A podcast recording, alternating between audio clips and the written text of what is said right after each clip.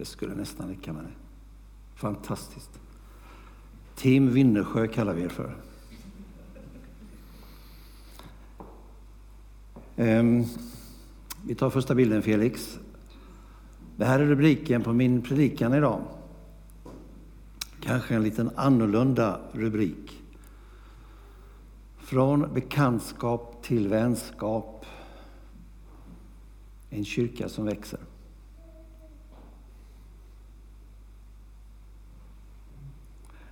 Det är inte bara att jag har letat efter en annorlunda rubrik, utan jag tror att de här orden har klingat i mitt inre en tag, därför att eh, Gud har påmint mig om att det här är viktigt och jag vill förmedla mina tankar så klokt som möjligt.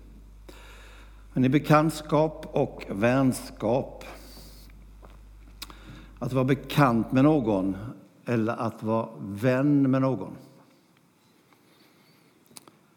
Och som jag säger i rubriken, jag tror det här kan vara en skillnad om en kyrka, en församling kommer att växa eller inte. Att vi går från nivån bekantskap till vänskap. Vad är då skillnaden mellan de här två orden?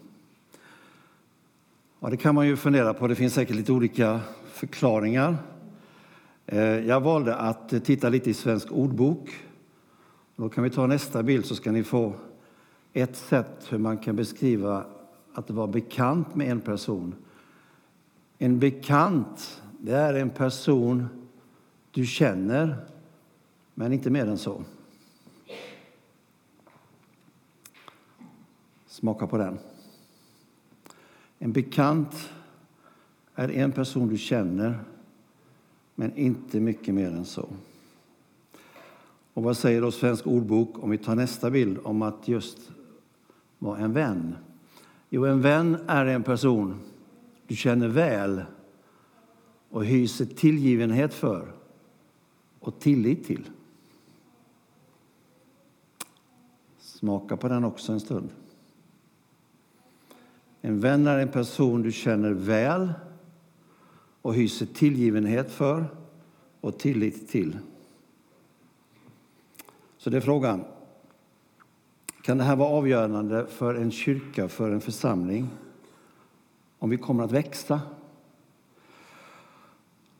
Och då tarvar det kanske en förklaring. Växa, vad då? Växa? Ja, jag syftar på att vi blir fler och fler som delar gemenskap med varandra. Alltså, vi blir fler och fler som kommer att säga att Nej, men jag har tagit emot Jesus i mitt liv. Och därför får jag säga att det stämmer för mig, det Johannes skrev i sitt första kapitel, att jag har fått rätten att kallas Guds barn.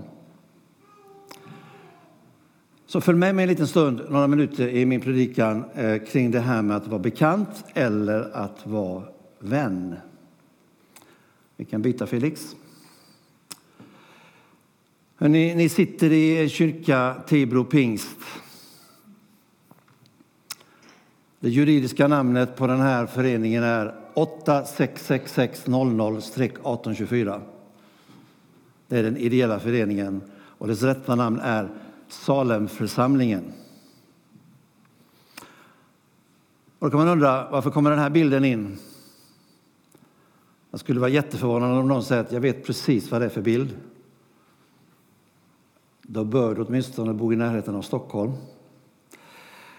Men är det här ett kommunvapen? Och det är en kommun som ligger vid Mälarns södra strand, alltså söder om Stockholm på Södertörn. Där bor 17 000 invånare. Tidigare var det Botkyrka kommun, men så blev de en egen kommun 1983, nämligen Salems kommun. Salems kommun. Så vi är inte ensamma, Salems församling och Salems kommun. Det finns 17 000 till som bor i Salems kommun. Och då är frågan, vad betyder ordet Salem? Ja, det är ett hebreiskt ord. Och hör, det betyder fridens boning. Så otroligt vackert. Salemkyrkan i Tibro, det är fridens boning.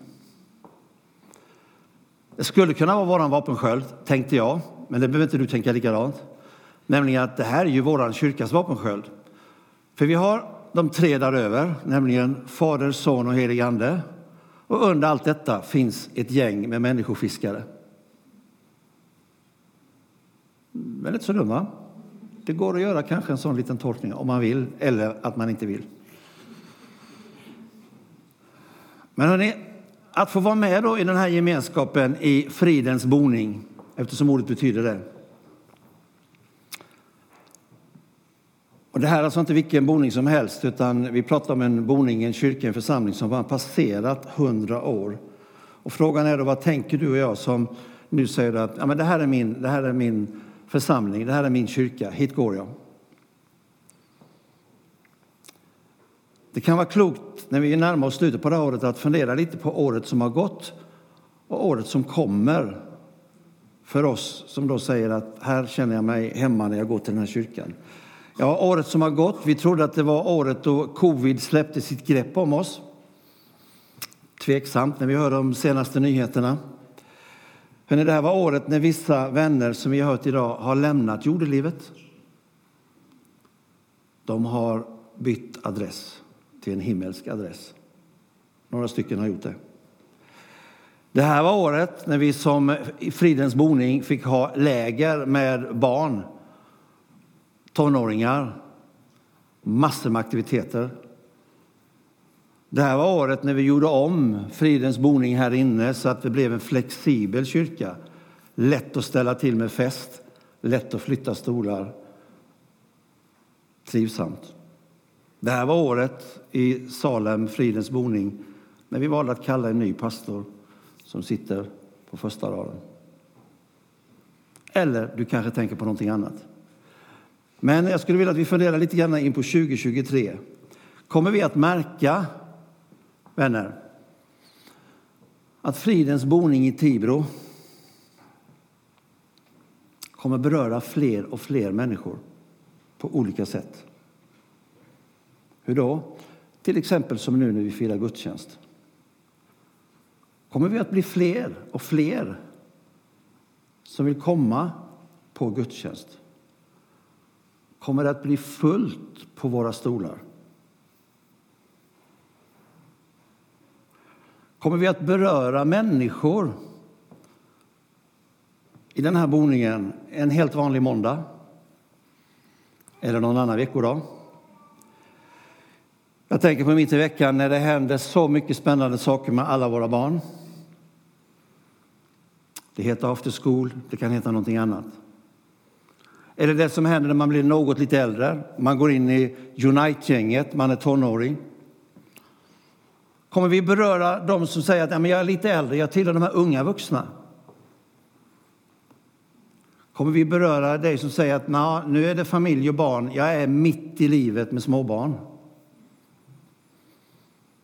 Kommer vi att beröra mer du som säger att nej, men det är inte småbarn, det är tonårsbarn och jag har passerat 50 eller 45 eller något? kommer det beröra dig och mig som har kommit så långt så vi har fått den förnämliga titeln seniorer. Känn er avundsjuka, ni som är lite yngre, men har man passerat som jag, 68, så är man senior. 70 minus. Det tycker inte min fru om när jag säger, men jag säger 70 minus i alla fall. För det är just vad vi är. Hörrni, kommer vi seniorer att beröras på ett sätt i fridens boning så att fler seniorer säger det här är min kyrka. Men var vi än befinner oss på den här åldersskalan så är ju just det frågan. Kommer vi bli fler? Kommer vi att växa? Vi vill att 23 ska få bli ett nytt år som berör fler människor som just får säga att jag har också upplevt den här friden ni talar om. Den här friden som Jesus själv sa, nämligen i Johannes 14 och 27. Jag lämnar frid efter mig.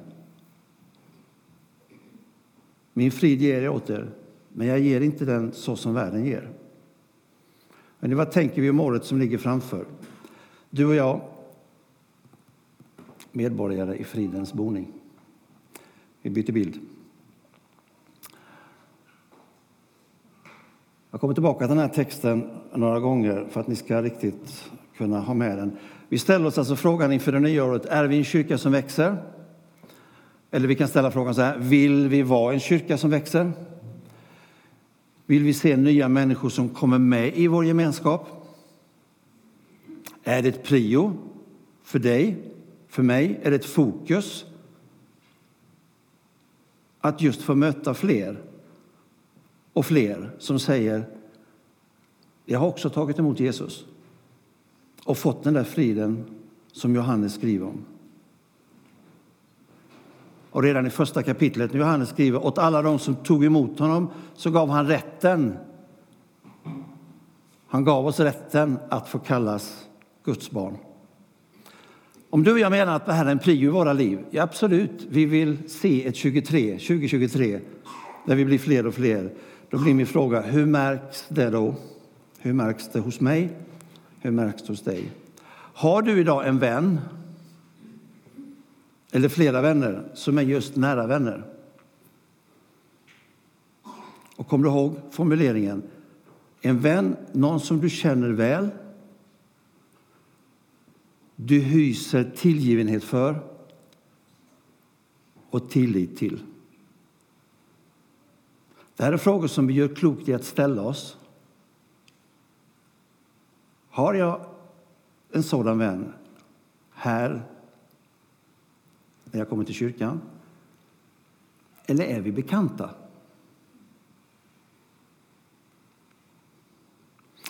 Så frågan är, vill vi att det här ska ha ett fokus i våra liv eller inte? Eller kanske så är det så att du är bara en Ferdinand. Mm, vad sa du? Vi tar nästa bild. Du är en Ferdinand. Nej, nej, nej. Jag trivs mycket bättre här under min korkek.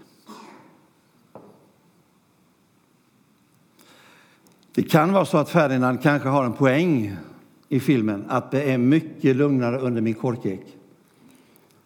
Sitta och lukta på blommorna. Att få sitta på samma kyrkstol varje söndag och bara känna doften och lukten, men inget mer. Eller, vi tar nästa bild. Du är en helt annan Ferdinand som säger nej, absolut inte.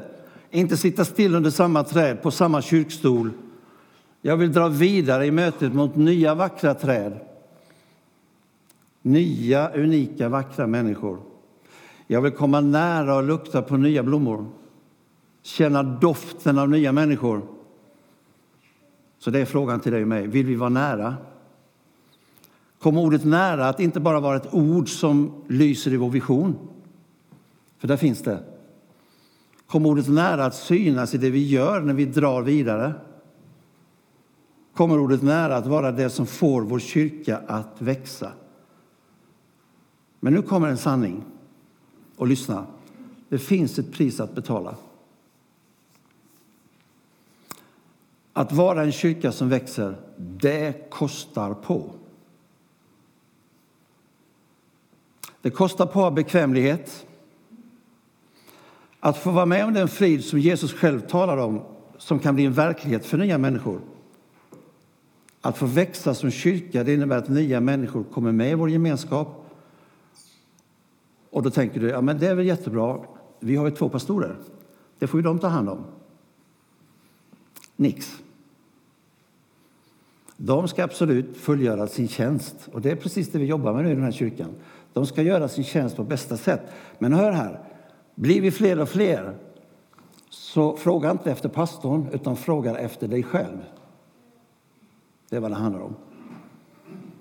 Nya människor i vår kyrka och gemenskap kräver att du och jag som medvetna efterföljare till Jesus, som hans lärjungar, tar oss an nya människor som doftar på det ena eller det andra sättet.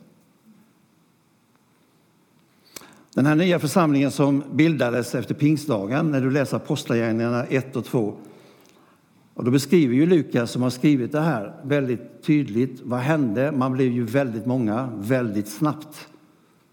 Jo, han sa alla deltog regelbundet i apostlarnas undervisning, i gudstjänsterna, i brödsbrytelsen och i bönerna.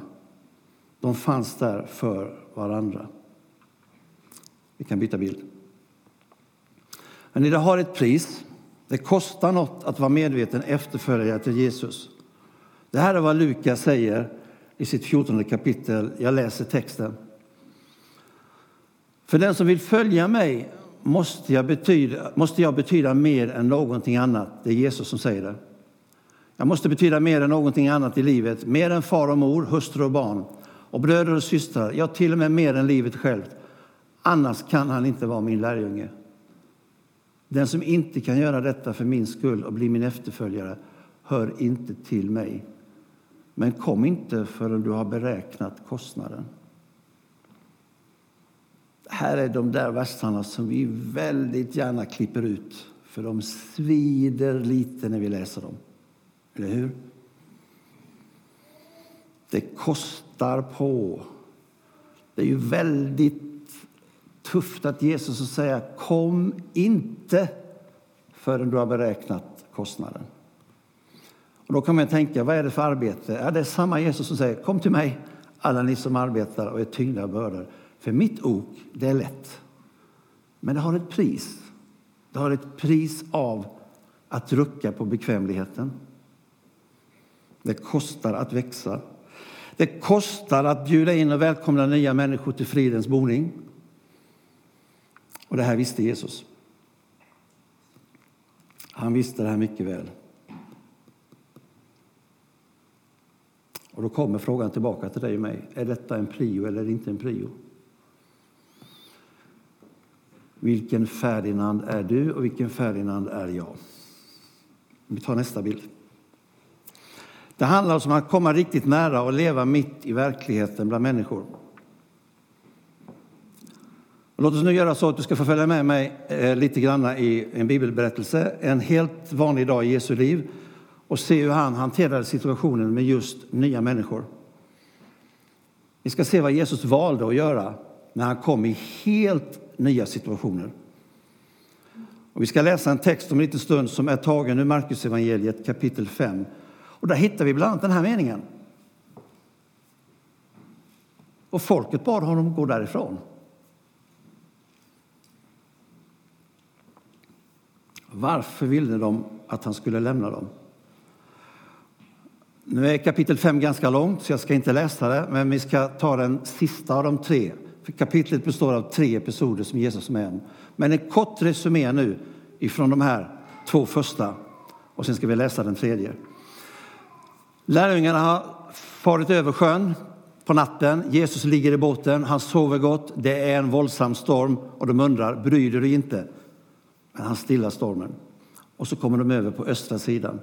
Och när de landar i Gerasa så tänker lärjungarna, vad gör vi här? Det här är just att vara utanför ordinarie område. Hit åker ingen rättrogen jude, men Jesus är där.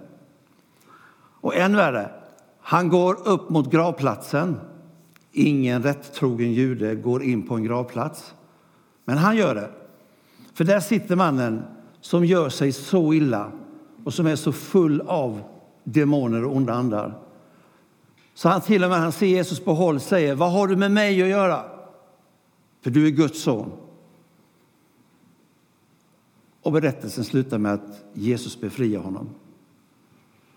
Men gör det på ett sådant annorlunda sätt när 2000 svin far rätt ut över klippan därför att demonerna hamnade där. Och då sa folket, gå härifrån, lämna oss i fred. Jesus gör så, och när vi kommer in i den andra berättelsen så har folket, när han är tillbaka igen på andra sidan sjön, hört om honom och det är mängder med folk. Och där kommer synagogonsföreståndaren och säger, han heter Jairus, snälla hjälp mig, min dotter är riktigt sjuk. Det gör vi, säger Jesus, och så vandrar de. Men där i samlingen finns kvinnan som hade lidit av inre blödningar hur länge som helst. Och varje rättrogen jude vet, du rör inte vid en kvinna som har blödningar. Du blir oren. Och den kvinnan visste, jag har inte rätt att gå in i synagogan. Jag är oren. Men hon sträcker sig, för om jag bara rör vid hans tofs så tror jag att jag blir hel och ren. Och Jesus stannar mitt i folksamlingen och säger, vem rörde vid mig?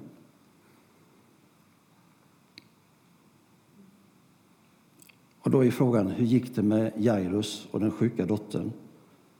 Nu kommer den tredje berättelsen och vi läser texten. Medan han fortsatte, medan han fortfarande talade med henne, kvinnan alltså, kom några män med bud från Jairus hem att det var för sent. Hans dotter hade dött och det var ingen idé längre att Jesus kom. Men Jesus som hörde vad de sa, sa till Jairus, var inte rädd, tro bara på mig. Så bad Jesus folkskaran bli kvar på platsen och tillät inte någon att följa med honom till Jairus hem utom Petrus och Jakob och Johannes. Sedan tog han, med, tog han med sig flickans mor och far, sina tre lärjungar och gick in i rummet där hon låg. Han tog henne vid handen och sa till henne, res dig upp min lilla flicka. Och flickan som var tolv år gammal reste sig upp och började gå omkring i rummet.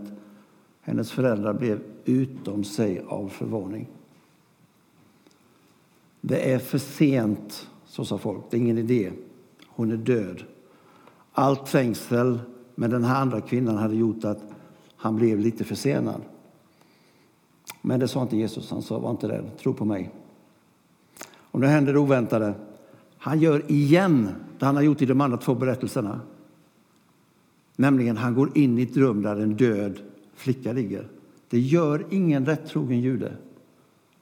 Och än värre, han tar henne vid handen.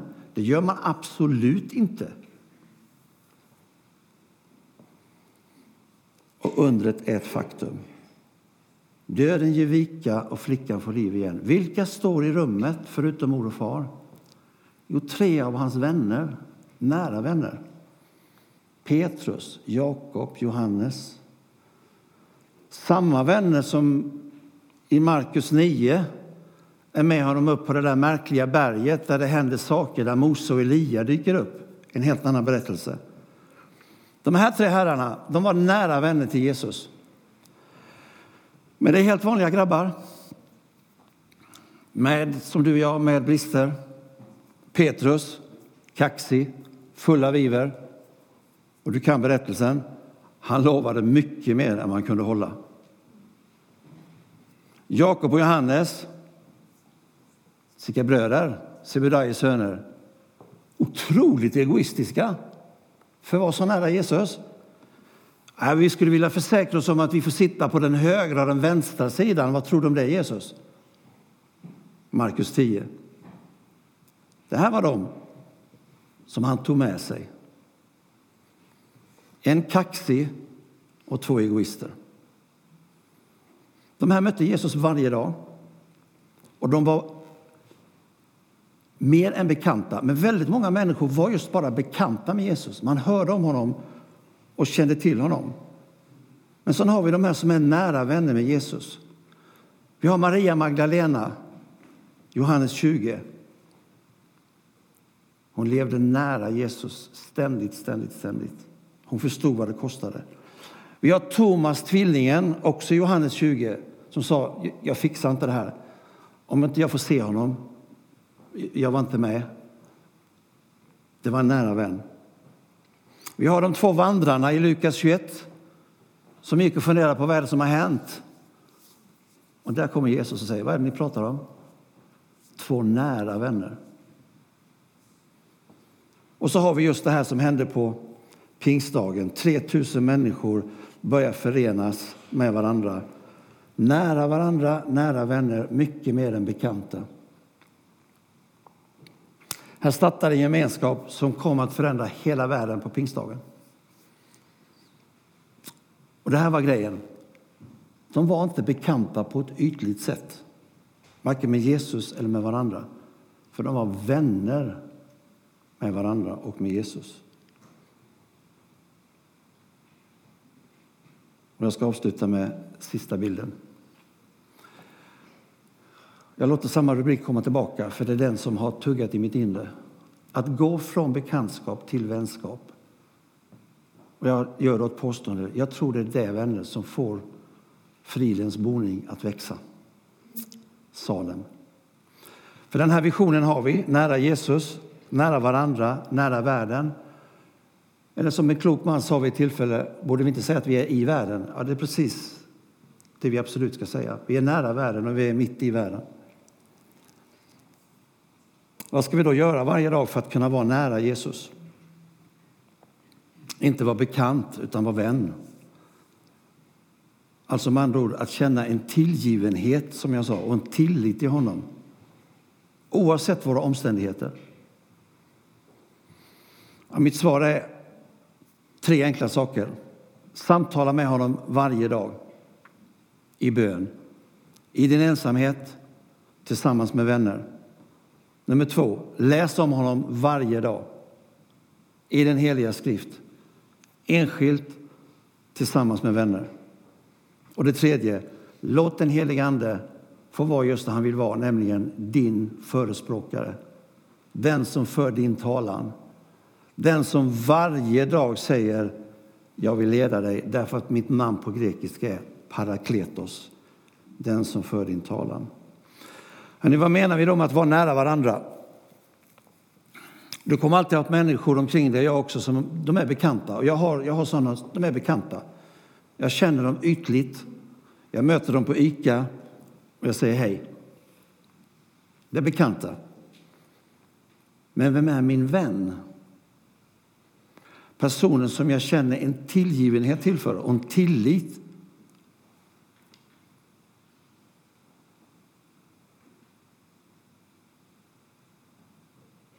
Har jag sådan vän här i församlingen? Har du det? Hur oftast träffas vi? Vad samtalar vi om? Ber vi tillsammans? Och vad heter den nära vännen som du har och jag har som inte är med i fridens boning? Är det min granne? Är det min jobbarkompis? Är det den jag möter på dagen? Men det är en nära vän som jag känner tillit till och att ha en nära vän som inte besöker den här kyrkan, men det är en nära vän.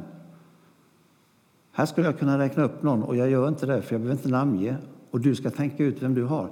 Det är den jag har tillit till.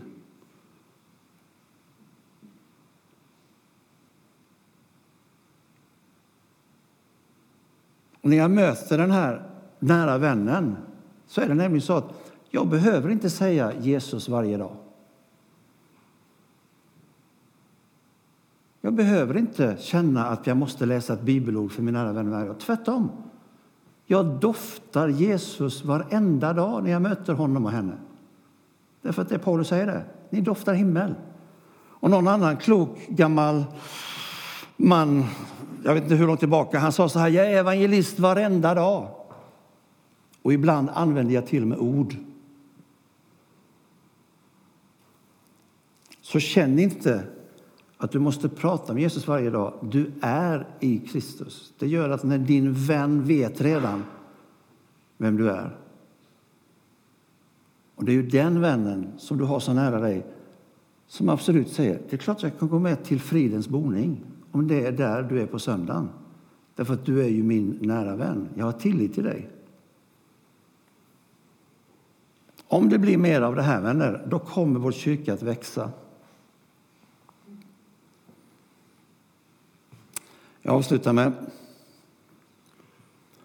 en bekant ställer ofta frågan, är allt bra? Ta bort det där ordet allt. Det borde aldrig finnas. Och så svarar vi lite, jo men det är bra. Alltså en bekantskap flyter lite på ytan. Men en vänskap landar djupt i hjärtat och säger, hur mår du egentligen? Det är vad som händer när det är nära vänskap. Då vågar man fejsa med vilken fråga som helst därför att det finns en tillit. Det är inte en bekantskap längre. Men min önskan för det här året som kommer är att du och jag ska få förflytta oss genom att säga att jag har fortfarande många bekanta, men jag har fler vänner. Och om det så bara är en, som du säger, har gått från bekantskap till att bli min nära vän, då har du gjort precis det som Levi Petrus sa 1974 i sin sista predikan. Det är det det handlar om. Försök att vinna dem en och en. När Jesus gav oss befallningen att gå ut, göra alla folk till lärjungar, då handlar det om att få en bekant att bli en nära vän. Om vi tar Jesu befallning på allvar, om jag gör det och du gör det, om vi är villiga att beräkna kostnaden som Lukas skrev om, då kommer fridens boning, Salemkyrkan, att växa. Amen.